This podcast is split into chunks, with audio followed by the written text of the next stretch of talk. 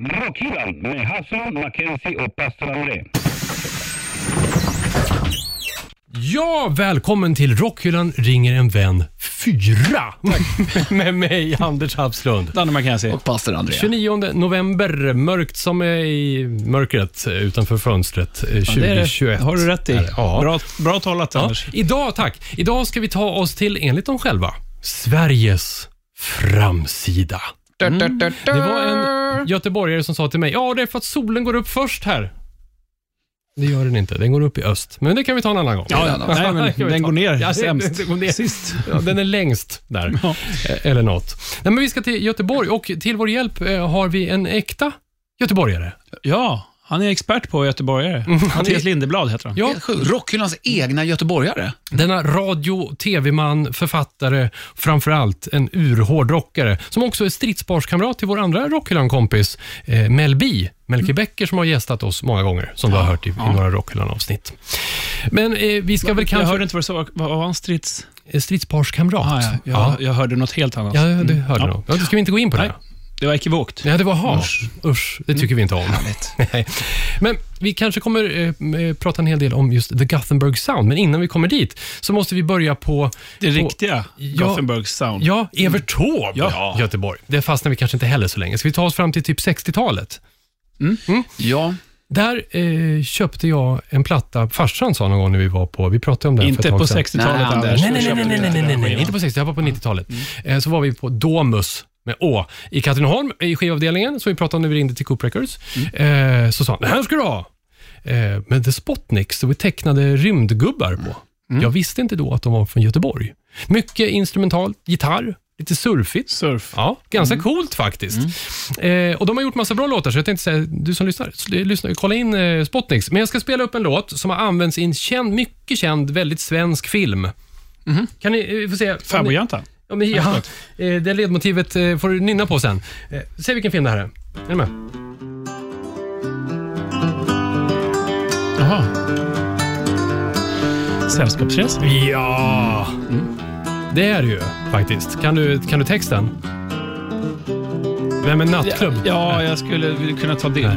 Brottstycken. Vill du ut på nattklubbsväng? Häng då med i Gabbes gäng. Dansa disco, rulla hatt med Suntrip varje natt. Eller om Rockhyllan gör en version. Vill du elda kyrkor upp? Följ då med i pastorns grupp. Bränna klocktorn, åh vad glad. Med corpse paint varje, dag. Ja! Där har vi den. smicker Ja, nästan. där, eh, så hade det varit om vi hade haft ett eh, charterbolag. Ja. Mm. Fan vad fint. Ja, men Bra hörni, jobbat. Ja, men man kan ju tro att Göteborg fanns på den här tiden och att det på 60-talet eh, kallades för Liverborg. Det är ju faktiskt sant. Men Göteborg är ju inte så gammalt. Lyssna på, på det här. Och i år firar Göteborg fyra år som stad. Kungen reder ut eh, begreppen. Göteborg, fyra år som stad. Ja, det är inte dåligt. Det, nej, det är inte dåligt. Det, vad lär Jag hade ju kanske gissat på 40 åtminstone. Ja, det, det hade man kunnat gissa. Ja. Det skulle varit 400, men Ers Majestät rörde ihop siffrorna och tappade ett par nollor. Det är ju lätt hänt. Ja, det är det är- några veckor sedan bara när han invigde en bro i Jag kan ändå tycka, det kungen, Ers Kungliga Majestät säger är ju ändå sanning. Nej. Det tror jag faktiskt inte. Han lät lite sliten. Gjorde han inte det? Ja, Han börjar bli gammal. nu. blåsigt i Göteborg, vet du. Ja, ja, ja. Men hörni, eh, 60-talet, Liverborg, väldigt göteborgskt, men det var ju då eh, enligt eh, Men du, i varför, pressen. okej, Ja. berätta. Varför Liverboy? Sveriges Borg. svar på Liverpool. Jag vet inte vilka som eh, skulle ha varit. Jag tänkte bara på lever. No, nej, det hade med alla Leverborg. banden göra. Ja, för Liverpool är ju kända då, alltså i England, för att ha tagit fram Beatles. väldigt många ja, Bland annat. musikakter. Ja. Men vet du, ja, men var det mycket musik då från Göteborg? Ja. Mer än Spotniks? ja, men vi har ju Tages såklart. Ja, eller Tags, som de Tags. sa faktiskt. Ja, Man, ja. äh, De var också kända i Frankrike, Tages. ja, just det. Det var de. Typiskt 60-talskt. Eh, Tommy Blom var med där. Han blev ju senare, på senare år också en känd i radioröst. Mhm. Eh, och han gjorde rösten till eh, Herr Krabba, Svamp-Bob. Ah, Mr Krabs. Är det sant? Mr Crab från Tags. Det är stort. Det Ja. fanns så mycket andra band också som var populära, eller i ropet just då. Shakers var väldigt Just. stora och sen Apaches, också etablerade och stora då. Men vet ni det här innan då? Vet, Accept, är de därifrån? ja, det kan man säga. Ja, det kan man göra. Vet ni när den första liveframträdandet i musik skedde? Ja, I Göteborg. Det var ju på stenåldern någon gång. Eh, 1700-talet. Mhm. Mitten av 1700-talet. Då, Evert Taube. det kan man tro, men inte- han körde tidigare. I domkyrkan. Så att redan där kan man ju säga att det göteborgska ljudet eh, framavlades. I domkyrkan Just i Göteborg. Och det är mäktigt ju.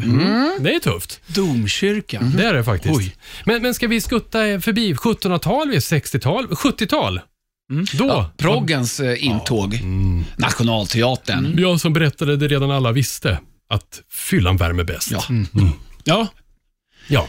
ja, då går vi vidare. ja, det var, det var kort. Jag fick något drömskt i blicken allihopa. Ja, ja. Nej, men proggen hade ett starkt fäste i Göteborg också. Verkligen. Men varför då? Göteborg har alla, alltid ansetts som en arbetarstad. Mm. I och med till exempel Volvo har ju funnits där. Så att det, Så proggen passade in då kanske? ja, ja, lite så. Medan då i Stockholm, där var ju alla Ja, aldrig och så, så där jobbade man ju inte riktigt på samma sätt. Nej, nej. Där låg vi på våra divaner eh, Så var så blickade ut över Riddarfjärden. Ja. Ja, så var det. Så var det. Ja. Så var det. Så vi, vi går vidare från proggen. Jag tror det. Det, det finns andra som kan göra hela program om det också. Eh, men, men, sen Ace of Base, när det var 90-talet, strax innan där, eh, Sveriges första rave. REJV. 89. 89 i Göteborg. Har ni varit på rave, pojkar? Ja. Ja. Osäkert. Men det faller ju lite på om man inte gillar att dansa känner jag. Ja, vet att det insåg jag också i Katrineholm. Eller knarka också. För Ja, den ja, det nej, nej, men nu var det dumt. Jag, alla som håller på med rave gillar inte det. Nej. Men dansa Nej. tror Ja, jag att man bör kunna tycka om. Ja, det bör man nog göra. Vi hade rave på Folkets hus i Katrineholm med sopsäckar för fönstren. Alla var skitpeppade, köpte batiktröjor, hade spikes och sånt där. Och Sen kom vi också till insikten som du var inne på det Danne.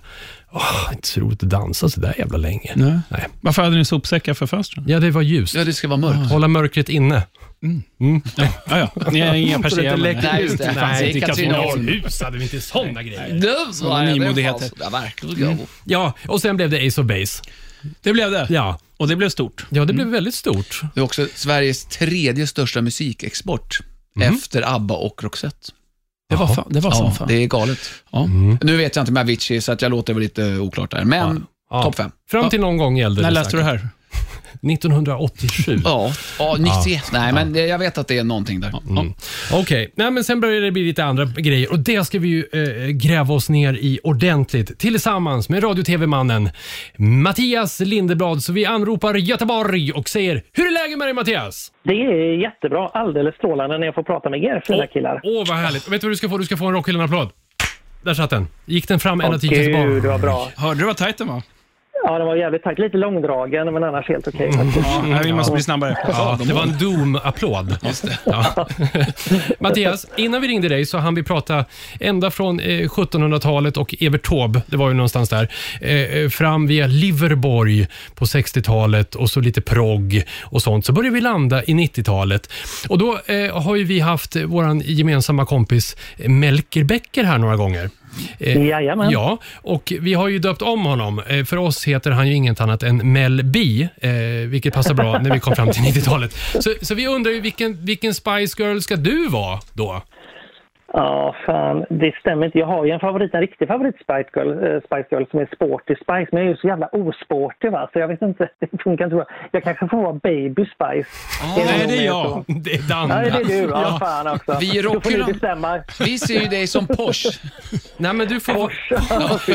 Du- Vi bestämmer. Du får vara Matt C. Det blir jättebra när ni, eh, du och Melker eh, liksom dyker upp tillsammans. Mel B och Matt C. Mm, Ja, men det är mycket bra. perfekt. Mycket bra. Jag köper det. Ska, Japp. ska vi lämna Spice Girls? Eh, för att de var trots allt inte en så jättestor del av Göteborgs soundet eh, om man tänker efter. Vi börjar någonstans 90-talet. Eh, Och hur ser du, du som växte ju liksom upp i epicentrum för the Gothenburg sound. Eller hur? Ja, Det kanske ja, till och med börjar det- på 80-talet där. Ja, det är Slutet. slutet på 80-talet eh, faktiskt till och med. Eh, och jag skulle säga att den, som, den personen som är absolut essentiell i detta, det är Tompa Lindberg från At the Gate. Ja, eh, han var liksom navet och eh, vi bodde allihop i Billdal. Tompan bodde nere i Lindås. Det, det, det låter som det är oerhörda avstånd här, men det är det inte, utan det är typ tre busshållplatser. Men man har sina små gäng och så hänger man inte så mycket utanför det där. Så att egentligen lärde vi känna honom även fast vi bodde i samma, samma del i Billdal där eh, på gymnasiet. När vi hamnade i på vårt kompisgäng splittrades så man hamnade i olika klasser och olika skolor och sånt där. Och då var det Anders Ivers som spelar många år i Tiamat och sen så även i Dark Tranquility. Han började i samma klass som eh, Oscar Droniak, eh, Hammerfall-Oscar. Mm. Eh, och de bildade även band Ceremonial Oath, hette de, och Desecrating och sånt där. Och i en parallellklass till dem så gick Tompa Lindberg. Så vad kul! Och ni gillar också hårdrock? Ja, det gör vi. Vi gillar eh, Iron Maiden och Def Leppard och såna tuffa grejer. Det tyckte han var lite roligt för det var liksom, jag vet han lyssnade på Bathory och såna här eh, stenhårda grejer som vi inte hade hört talas om i princip. Ni var lite blöjrockers då, tyckte han. Ja, ja, vi tyckte vi i vårt gäng så var vi ganska tuffa. Lyssna på, det hårdaste vi körde var i princip eh, Halloween. det var jättehårt. Ja. Eh, så. Och sen så, sen så började vi hänga, sen så blev man ju oerhört då nyfiken på den här hårdare hårdrocken då. Och han höll ju på med dels tape trading, det hade vi ingen aning om vad det var för någonting. När man eh, brevväxlade analogt och skickade kassetter och flyers och tidningar över hela världen till olika intresserade inom den här subkulturen då. Ja, Sen så ja. hade han även ett eget fanzine som heter Cascade som han hade tillsammans med en kompis. Eh, så, så att man fick liksom dyka in i en helt ny värld tillsammans med honom där. Då. Wow. Eh, ja, det var så jävla häftigt. Ja. Han hade ett band som var stenhårt som hette Grotesk. Eh, hette den. Och liksom, vi spelade något lite rockband sådär och hans låtar hette typ Blood Runs from the Altar och hans pappa hjälpte honom att snickra upp och ner på vända kors och såna Nej. grejer. Och så man bara, vad fan. Men samtidigt var det så här härligt, vi drack mycket folköl och sen så hade vi även så här tårtkalas när någon fyllde år. Då hade man med sig presenter och kom så här på tårta och sånt. Mm, jag bara och fast- mammorna fixade och så. Jag fastnar bara i hur man snickrar ett upp och nervänt kors. Snickrar man det rättvänt först och sen vänder man på det? Eller Nej, hur nej, gör nej. man egentligen? Nej, nej, nej. Man snickrar nerifrån och det- upp? Ja. Ja, nerifrån. Hela mojon försvinner. Förstår du väl? Det går okej. inte. Liksom. Det måste byggas rätt från grunden. Ja, exakt. Jag, om man ska vara helt ärlig så tror jag att han trodde att han snickrade ett rättvänt kors. men så var det inte. Nej, men i varje fall. Och sen så alldeles i närheten av Tompa så borde de vara ett par år yngre då. När man precis har börjat ettan på gymnasiet, om någon är två år yngre eller någonting så tycker man att de är, ja, de är ganska mycket yngre egentligen. Så, men har man samma specialintressen och sånt där så överbrygger det lätt då. Men där bodde ju till exempel Mikael Stanne då från Dark Tranquility och ett tag så bodde ju faktiskt hela Dark Tranquility på samma gata. Det här kompisgänget på fem pers, Valebergsvägen i det är Där bodde de allihop. Ja. Ja, och sen så utvidgades vårt lilla gäng där då, så att vi blev fler och fler. Och så, så att var det någon spelning i stan liksom, så Tompa bodde längst ner tillsammans med Dark Tranquility-gänget. Och sen så var det ju bröderna Bjöler som bodde längst upp i Billdal då. Eh, från, At the Gates. Eh, at the Gates och Haunted, Haunted. och sådär då. Ja, så att det var liksom så här, Tompa började kliva bussen. Några hållplatser senare så var det min tur och mina kompisar, Anders Ivers bandet bodde hos mig. De klev man på där och sen så nästa gäng och nästa gäng. Och till slut så var man hela gäng. på Mattias. Blev det inte väldigt fullt på rockhyllan längst bak då? Jo, jo, jo. jo. Alla satt i men det knät. var så, exakt. Men det var så jävla fint för man kunde alltid höra typ om det var någon. Ibland så åkte man ju bara hem från skolan och sånt där också. Men då kunde man höra liksom någon som satt, för det var så jävla bra akustik för fötterna där längst bak. Så kunde man höra liksom bum, bum, bum. Bum, bum, bum. Ja, en polare där borta liksom. Det är djungeltrumman. Det är Fantomens djungeltrumma där bak som kör Rain in Blood. Det är Dubbelkagge också. Ja. Ja. Ja, så jävla fint. Ja. Men du Mattias, hur kom... Eh, alltså jag fattar hur det startade, men Tompa, hur kom han in på det här? Lite hårdare och groteskare. Nej, men som jag har förstått det när vi har snackat om det nu på gamla dagar, för då snackade man inte så mycket om det utan då var det bara som det var. Men det var att hans syrra hade någon kille som gillade hårdrock och som gillade lite hårdare hårdrock då. Eh, så. Och sen så ska man inte underskatta, eller jag vet inte om Tompa hittade den vägen, men eh, baksidan på tidningen Okej till Ja, exempel, Svenska visst. skivklubben. Mm. Alla de där små omslagen som såg så oerhört spännande ut. Mm. Eh, Okej har ju liksom varit en eh, bidragande orsak till mångas eh, hårdrocksintresse, tror jag, i, i våran ålder. Liksom. Ja, Bara- jösses ja. ja. Verkligen. Nej, det, mitt liv skulle inte vara som det ser ut nu om det inte vore för okej. Nej. Jag vet inte om jag ska tacka eller vara arg. Jag tycker du ska tacka. Mm. ja, då gör jag det. Men det, men det här var alltså precis, och jag börjar tänka på som Danne som har vuxit upp i Upplands Väsby, som också var ett epicentrum för, för massa band. Så var det här stället där du växte upp, liksom då mitten och navet på, på det som sen blev massor med band som bildade det här soundet som blev världs, flög ut över världen sen. Eh, hur ska man beskriva The Gothenburg Sound för den som inte vet? Eh, jag skulle beskriva det som, det är botten i någon form av, det är dödsmetall då med growlsång och aggressivt och sånt där. Men där liksom, som jag upplever då, Stockholmsfalangen där, de gick ju med på liksom punkkraften och det råa och ursinnet och sånt där. Så blandade göteborgarna in lite mer melodier. Det kom in lite mer av Iron Maiden-arvet i det hela på något sätt. Kanske inte så jättemycket för At the Gates, och synnerhet inte i början, men definitivt Dark Tranquility. Eh, så. Eh, så. Och sen så, i och med In Flames också, så Jesper Strömblad som bildade In Flames, jag tror att det var hans eller farfar eller vad, det var någon nära släkting i varje fall som var speleman. Liksom. Så, så att han hade ju med sig den här folkmusiktonen och jag vet bröderna Björlers farfar eller morfar spelade också fiol. Och liksom så att de hade med sig det där från början. Så jag, jag tycker att man kan höra någon form av svensk folkton. Och framförallt det som lever kvar idag tycker jag, det är det här vemodet som är eh, i många av låtarna. Som ju går rakt in i hjärtat. Ja, det är nog bra sammanfattat där tror jag. Men vilka ska vi säga är de stora namnen för The Gothenburg Sound? Eh, Om vi ska räkna upp dem på en hand eller två. Ja, det är At the Gates och Dark Tranquility och In Flames, måste man säga. Men apropå In Flames, sa du det förut, men visst växte väl Anders Fridén upp där i kvarteren också? Jajamän, och Ja. han var ju med i Dark Tranquility i början. början. Mm. Så att han bodde också på samma gata där, Valebergsvägen. Eh, men sen så var det en period när han inte tyckte det var så roligt att vara med i bandet längre och han tyckte det var roligare att vara ute och segla och såna här saker. Och då tröttnade de andra på honom och sa att det, kan du inte hålla på med. Nej. Och nu är han ute och grillar istället. Ja. Ja, precis. Nej, men så att, men vi var så jävla unga då liksom, så att jag tror att det inte var så stor deal liksom. Och sen så när, när inte han var med där längre, nej, men då var han med i um, Ceremonial Oath till exempel, där man hittade då Jesper Strömblad. Ja. Innan han bildade In Flames och så Anders Ivers var med där och så Oskar Droniak som sen bildade Hammerfall. Och liksom så att man vandrade lite över och Mikael Stanne sjöng ju till exempel eh, från Dark Tranquility sjöng ju på den första In Flames-skivan liksom för att de hade ingen sångare, kan inte du hjälpa till? Sådär. Var det vice Jag var ju faktiskt på det, jag var på det absolut första In Flames-gigget eh, som var och det var eh, på, i en trädgårdsfest. Det var två killar, vi kallar dem för El-Thomas och Lödar-Lars för de var de enda som var lite händiga. Och de bodde så aslångt ut på landet. Det tog typ en timme att gå från busshållplatsen hem till dem. Ja, alltså helt brutalt var det. Men i varje fall, eh, så de var så duktiga så de smickrade en scen och såna här grejer. Och så såg de till att deras föräldrar åkte bort. Och sen så kunde vi då som lirade i band spela liksom. Eh, så gjorde vi det. Och där var det absolut första In Flames-giget. Men det var det liksom hälften av medlemmarna var ifrån Dark Tranquility för att Jesper hade inga bandmedlemmar och någon hjälpte till och någon fick lära sig låtarna en kvart innan. Ja, Hur, hur ofta hade de spelningar där?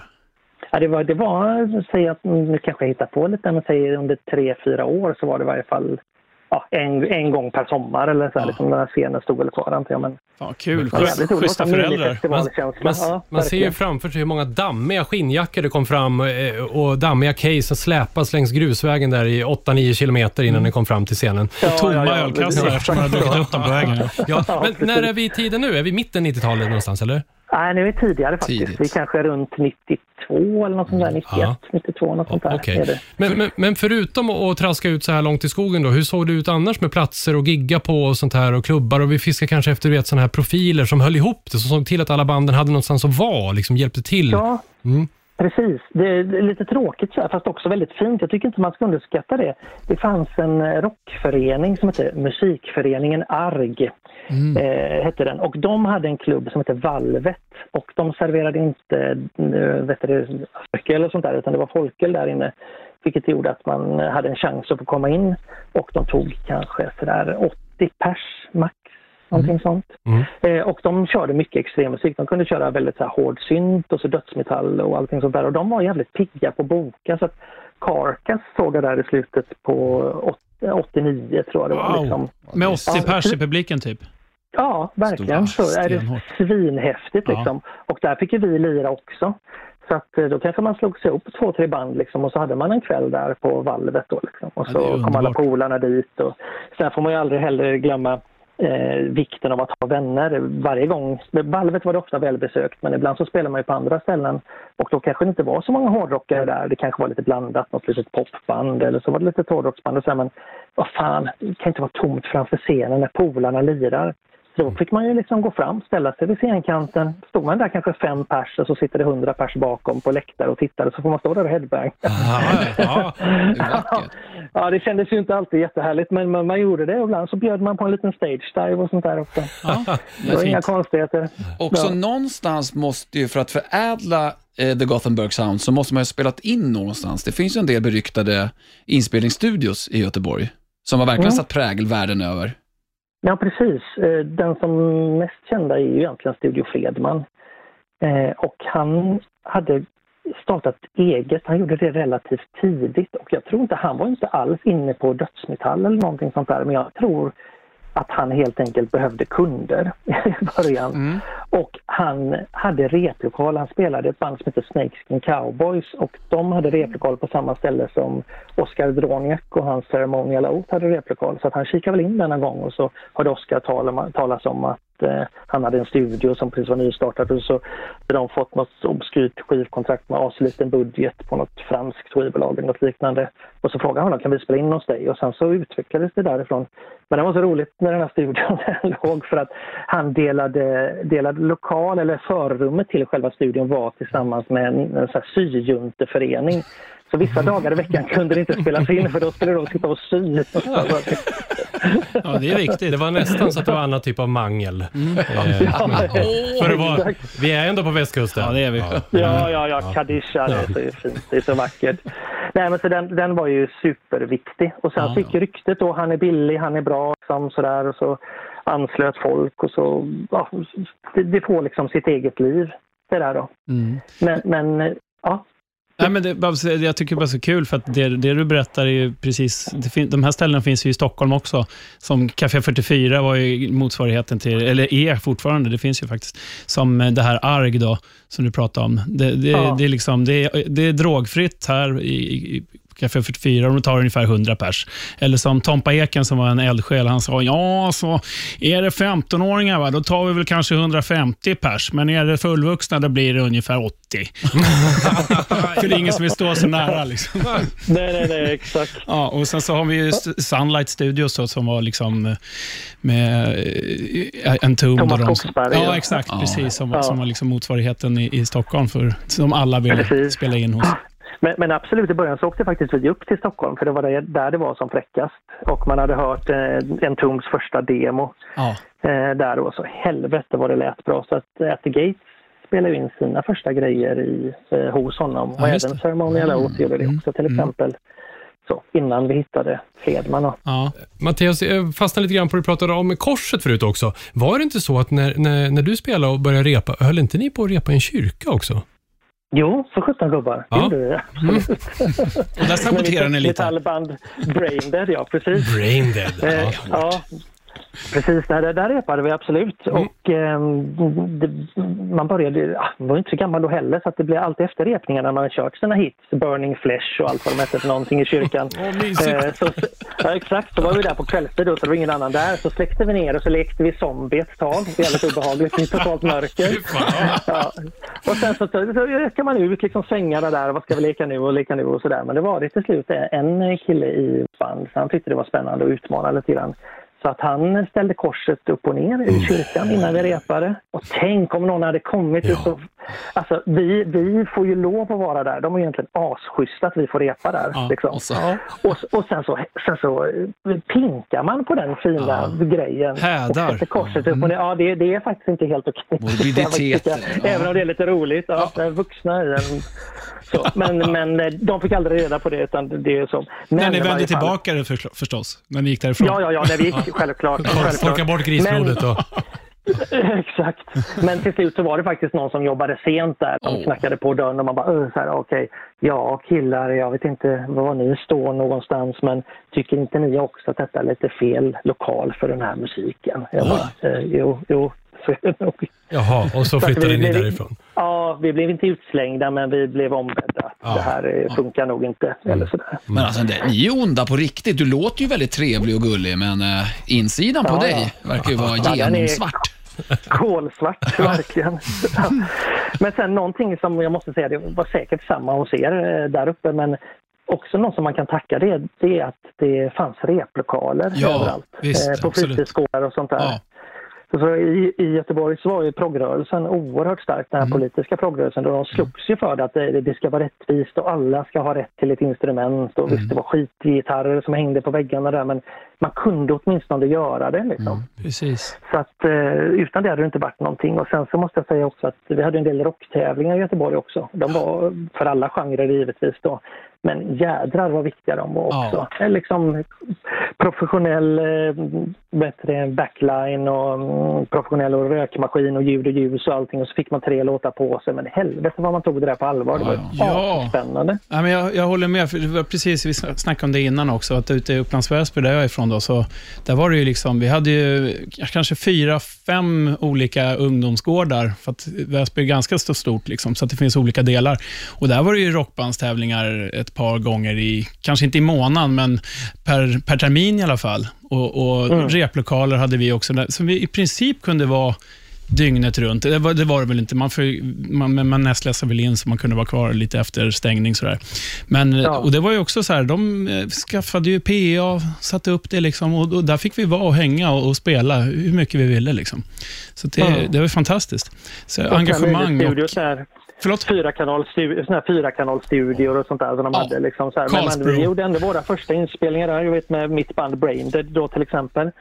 Då spelade vi in eh, Someone for the Praise-demon där till exempel. Då. En låt som för övrigt handlar om en person. Så jag skriver texten, jag är ond kom jag på. Texten handlar om en kille som äter upp sig själv till satans ära. Jo, jag tänkte att jag var tvungen att vrida på det här konceptet lite grann. Hur blir man genomond? Jo, men man äter upp sig själv. Det är som en metakannibal. Så jävla bra. Vad började de någonstans med? Vilket, Ja, vilka ja. delar? Ja, det var lite mer, det var lite svävande tyvärr. Men Ah, okej. upp, jag får skriva en uppföljare. Man blir ändå nyfiken. Ja, man blir ändå det nyfiken. Ja, precis. Men, men, men det som är lite häftigt är att dit jag skulle komma då, att för ett par år sedan så fick jag se ett syn på ett sånt där Facebook-inlägg då som kom från USA. Liksom man ser att det har varit delat hur många gånger som helst. Snälla hjälp mig, jag måste få tag på en demo, jag betalar toppdollar. Någon som har talat om bandet Brain Dead och sådär, valsat och valsat och valsat. Och till slut kommer det Mattias, inte det här ditt gamla band? Jo, det är det. Ja, men då har han hört talas om det. Liksom. Tänk dig om man visste det när man stod där 1989. Man kopierade upp på syrrans dubbeldäckare 50 kassetter. Vad det var för någonting. Och så ska någon höra av sig typ 30 år senare och vilja betala tusentals kronor för en av de där kassetterna. Nej, vad Det är häftigt. crazy. Det är Ja. riktigt coolt. Fick du, fick, fixade du till den då? Ja, det gjorde jag. Ja. Fa- Fast jag kunde inte med att ta så mycket. Jag tänkte så här också. Det är helt osannolikt att någon ska vilja ha där. eh, eh, Att någon, att någon överhuvudtaget ens bryr sig. Liksom. Och så ska jag då liksom, men ja, jag vet inte, jag vill nog ha upp priset lite. Nej, så att jag gav det billigare så stoppade jag i lite annat gammalt eh, sånt där mög ja, som det han skulle bra. kunna tycka var kul. Mattias, var det med några namn, några fler i Braindead eh, som, som man känner till i andra band idag, eller?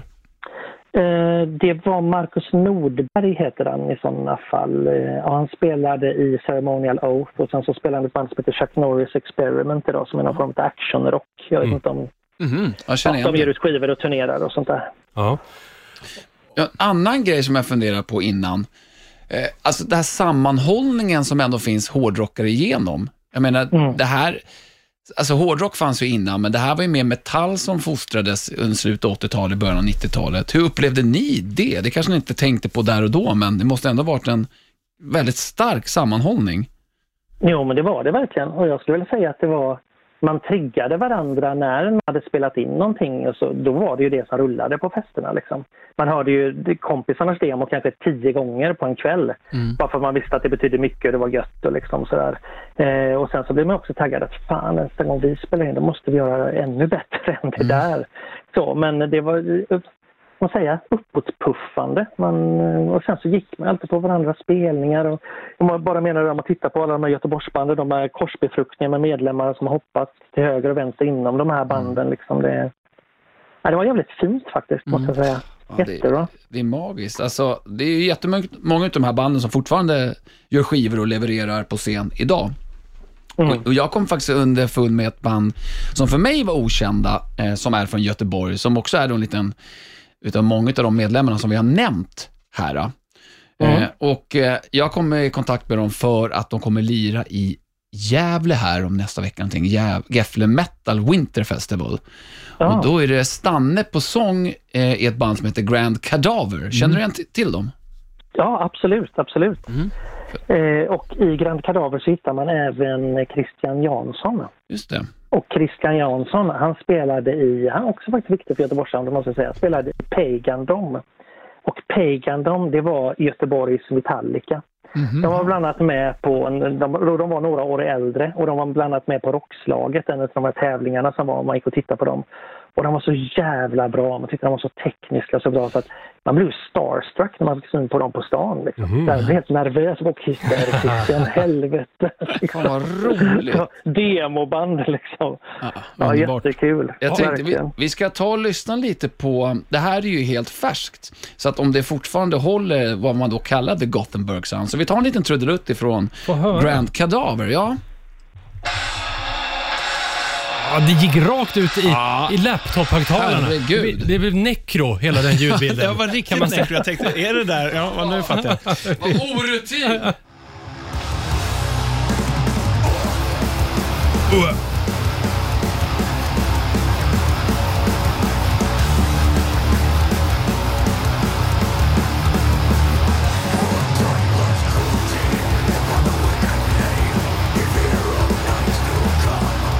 Mm, cool. Tycker du att det där håller, håller det vad vi då har lärt känna som the Gothenburg Sound? Nej, det tycker jag verkligen inte. Är, är det inte lite mer åt Stockholms döds det här? Jo, det är ju verkligen det. Det är verkligen det. Och det är liksom så här g- gammel, eh, fin, härlig old school-döds alla Stockholm. 90-tal, och lite ja. death och lite, lite tidig Florida, Tampa-döds. Ja, visst. Att, eh, Men, Men också- asbra. Jag måste säga att jag tycker att Stanne, jäklar vad han gör det här bra. Alltså sångaren Mikael, som också då är Ja. i Dark Tranquility. Eh, Ja. otroligt vilken sånginsats. Nu hörde vi Ja. bara ett litet klipp här, men grym. Nej, jag tycker han är helt makalös. Dels hur, eh, vilka olika stilar han behärskar och dels hur han är som frontman på scen. Alltså, han är som ett jävla lyckopiller. Det, jag tycker han är ma- makalöst proffsig faktiskt, måste jag säga. Vi ska ta ett till smakprov från, från Göteborg också i, i musiksvängen. Ja, precis. Som jag upptäckte för någon vecka sedan. Jag var på eh, en festival här i Stockholm på The Basic Strand som heter FASS-festivalen, som mina gamla polare i Truckfighters eh, anordnar. Så de lirar ju förstås. Men sen så hade de, eh, det var väl, kan det varit fem eller sex band per kväll, fredag, lördag. Och då trillade jag på ett band som heter Vokonis. Så jag tänkte, få, ska du få höra ett litet smakprov på här. Mm. Det här är ju inte så dödsigt. Höj lite.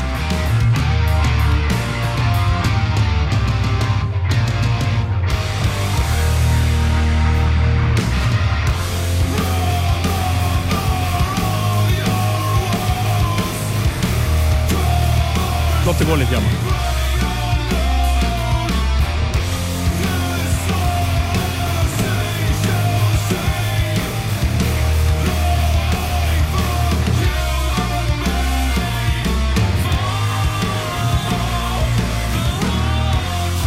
Här är lite mer me- melodiöst. Ja, Eh, jävla bra band måste jag säga. Jag trillade på dem som sagt och så visade det sig att jag kände ju trumslagaren där eh, sedan några år Vem är tillbaka. Eh, han heter Peter Ottosson. Peter Ottosson. okej. Ja, okej, ja. precis. Eh, skitbra tycker jag att det var och det var så kul att se. Det är kul att se ett band som man inte har så bra koll på och så ser man, fan vad bra det var live och sen så tjackar man plattan och så blir jag ett fan. Tycker det är Ja. jättekul. Eh, vad härligt. Ja, och sen så här är det lite orgel och grejer också. Och då är det Per Wiberg som folk känner igen från bland annat Spirited Beggars och Opeth och Kamchatka och King Hobo och allt möjligt. Eh, Ja. ja, som är med och, och lirar lite. Fast han är inte med i bandet, utan han är inhyrd musiker bara på plattan här. Svinbra, älskar det. Lite proggiga där. eh, Med Ja, orgeln gör verkligen sitt ja, Ja, precis. 70-tals retro-prylen där. Ja. Jätte, jättehärligt. Den här låten heter Odyssey. Odyssey och är eh, ett litet epos på 8.50 eller någonting sånt där. Så det är en ganska Ja. lång låt, men den är trevlig. Har Vokonis. på, lite sidospår, men det var härligt en gång när jag var på proggfestival så var det en, ett band som, och skulle spela och så rev de av sin första låt på typ nästa 25 minuter. Och sen, hej och välkomna, det är dags för kvällens sista låt. så var det en halvtimme till och så var det klart. Liksom. Härligt Jävligt ändå. härligt. Super. Ja, det Men du Mattias, har du koll på um, dagens Göteborgsmusik då? I, inom genren? Ja, det tror jag hyfsat, men inte, inte kanske superbra. Jag vet inte. Ska du testa mig? Nej, det, förlåt. om, om det lät som att jag skulle läxa upp, sig, läxa upp det så stämmer det inte. Utan jag tänkte bara, Nej, nej. det är oftast en stad eller ett land får ju en, som Sverige generellt, en musikkultur.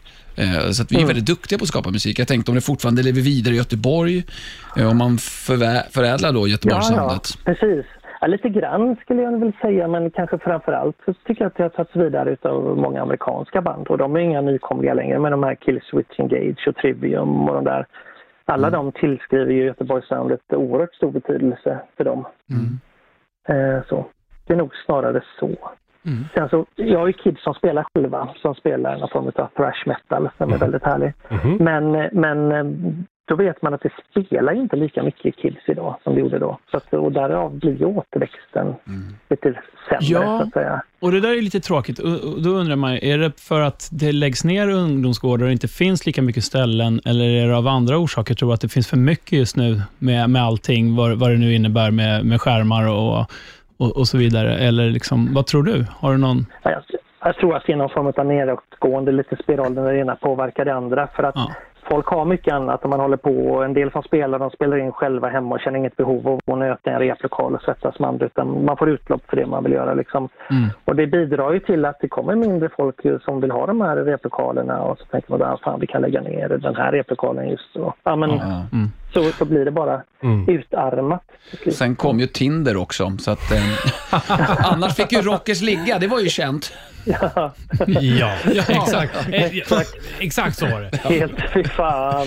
Och med de orden... Ja, Mattias, det var fantastiskt kul att få öppna dörren eh, till eh, slutet 80-talets början av The Gothenburg Sound och få följa med ända fram eh, till idag eh, på något sätt. Vi ska tacka dig eh, med en rockhyllan-applåd och sen eh, pastorn.